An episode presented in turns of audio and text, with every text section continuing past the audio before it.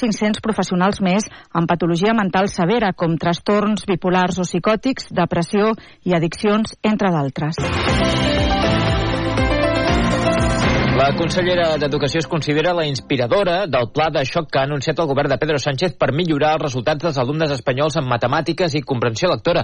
Anna Simó ha vingut a dir fa una estona que va ser una de les cinc propostes que va fer a la ministra Pilar Alegria en la primera reunió bilateral Soledad Domínguez que van mantenir a finals de desembre. Sí, una trobada en la que Simó també va demanar diners al Ministeri per extendre un programa com el Mir Docent que Catalunya té en marxa com una prova pilot per reduir l'abandonament escolar o per millorar l'acollida als alumnes nouvinguts. Per tant, Simó entén que l'anunci que va fer ahir Pedro Sánchez respon a una de les seves peticions i diu que Catalunya farà la seva proposta de com s'haurien de repartir aquests 500 milions d'euros. La consellera creu que el repartiment no ha de ser lineal, sinó que s'ha de prioritzar els centres que més ho necessiten. El percentatge d'alumnes NSB sobre el total i jo seria partidària, a més a més, que fos, diguem-ne, escalat per municipis.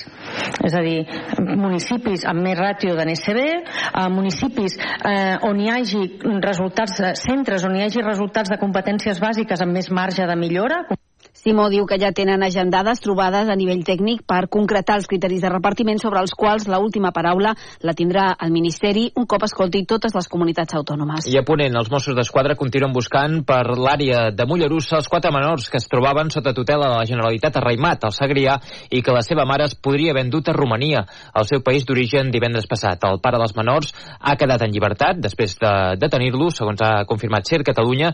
Els nens tornaven al centre de la Generalitat i quan van baixar de la furgoneta que els transportava als seus pares biològic o algú del seu entorn se'ls va endur.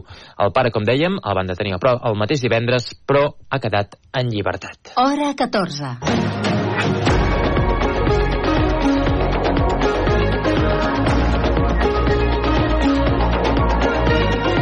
La Generalitat crearà la, figu la figura del mariner aprenent, totalment subvencionat per fons europeus i catalans per corregir la falta de renovació dels pescadors a Catalunya. Aquest cap de setmana us explicàvem que el 30% de les barques pesqueres han desaparegut els últims 10 anys i aquesta és la solució que el govern prendrà per intentar revertir, Ferran Dalmau, aquesta situació.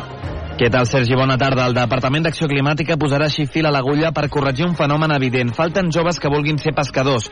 Els darrers 10 anys ha caigut en picat la flota pesquera i el govern no vol frenar. Sergi Tudela, director general de Política Marítima, en declaracions a Ser Catalunya. La nostra política, i quan he dit que tenim una política, eh, diguem-ne, estratègica que hem desenvolupat amb el sector, és la de viure amb la flota que tenim en aquest moment. Per això Tudela ha explicat que han pres la decisió, que s'aprovarà al febrer, de crear la figura del mariner aprenent a cost zero pels pescadors. Poder recuperar la figura antiga no? Del, de l'aprenent. Ha de ser una persona doncs, que, que té la, la titulació però que acaba de treure fa poc temps que, que, que té els estudis de, de mariner pescador. També continuaran la campanya de publicitat Pim Pam Peix per atraure els compradors a consumir tot tipus d'espècies per assegurar que no només es renoven els pescadors sinó també els consumidors de peix i així assegurar la continuïtat del que diuen és un sector estratègic pel país. Un accident múltiple aquest migdia amb 8 camions implicats. Eh, fa més o menys dues hores a Barberà del Vallès a la P7 ha acabat amb dos ferits lleus i molts problemes a l'autopista encara a hores d'ara.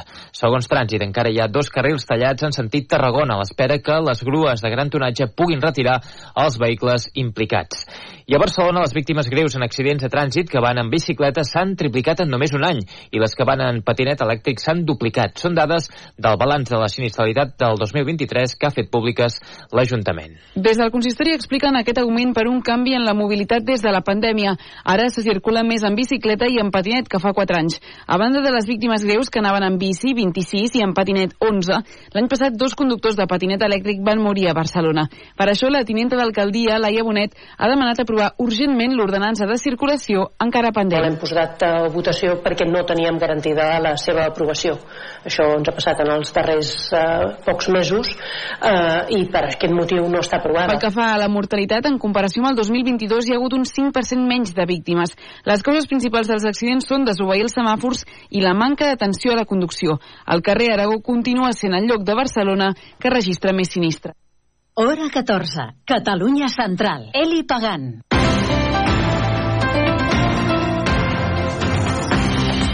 Hola, què tal? Molt bon migdia.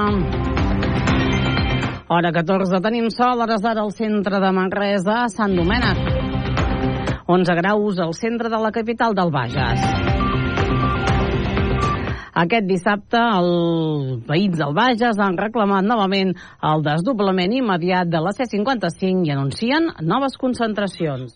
Aquest dissabte, al punt quilomètric 17.2 de la C55, on el passat dia 1 de gener hi va haver una víctima mortal, s'hi ha concentrat una cinquantena de persones per reclamar el desdoblament immediat d'aquesta carretera, una via que connecta les comarques de la Catalunya central amb Barcelona i que aquest 2024 fa 50 anys que es va construir. Aquest any fa 50 anys d'aquesta carretera. Em sembla que ja és hora de que la renovessin, perquè en 50 anys les coses han canviat molt i tot arreu han desdoblat i triplicat carreteres per molts menys vehicles, per la meitat o una tercera part de vehicles que aquesta carretera, i els han desdoblat i inclús triplicat. A la concentració hi han assistit membres de la plataforma No Més Morts a la C55, de la Federació d'Associacions de Veïns de Manresa i també membres de la nova associació Xarxa 7, tots els convocants han explicat que no es conformen amb el sistema 2 més 1, que és el que proposa la Generalitat, perquè ho veuen un sistema insuficient que tampoc podria suportar els 40.000 usuaris diaris que passen per aquesta carretera.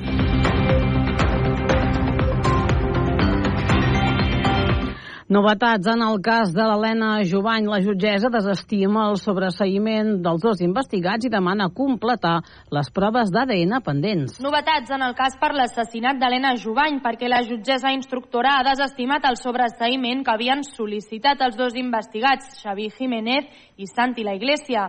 A través d'un autor, la magistrada els ha recordat que encara no s'han practicat totes les diligències acordades i que no és el moment processal de prendre una decisió com aquesta. A banda, també demanen un altre autor que es completin les proves d'ADN pendents i que es comparin de manera més exhaustiva els perfils genètics dels investigats amb les mostres recuperades del jersei de la víctima. També incideix que la policia científica determini si hi ha rastres biològics als anònims que va rebre Helena Jovany poques setmanes abans de morir. La decisió de la titular del jutjat de primera instància número 2 de Sabadell arriba després que l'informe presentat per la Universitat de Santiago de Compostela, que havia de creuar l'ADN dels investigats amb les mostres trobades al jersei de la víctima, no contenia la prova encarregada al mes de setembre de 2023 per l'anterior jutge que portava el cas. La prova en qüestió requeria als laboratoris que determinessin si els perfils genètics dels investigats són o no descartables d'acord amb el material genètic trobat al jersei de la víctima i en quin percentatge en relació amb el conjunt de la població amb l'objectiu de donar un valor estadístic a la prova.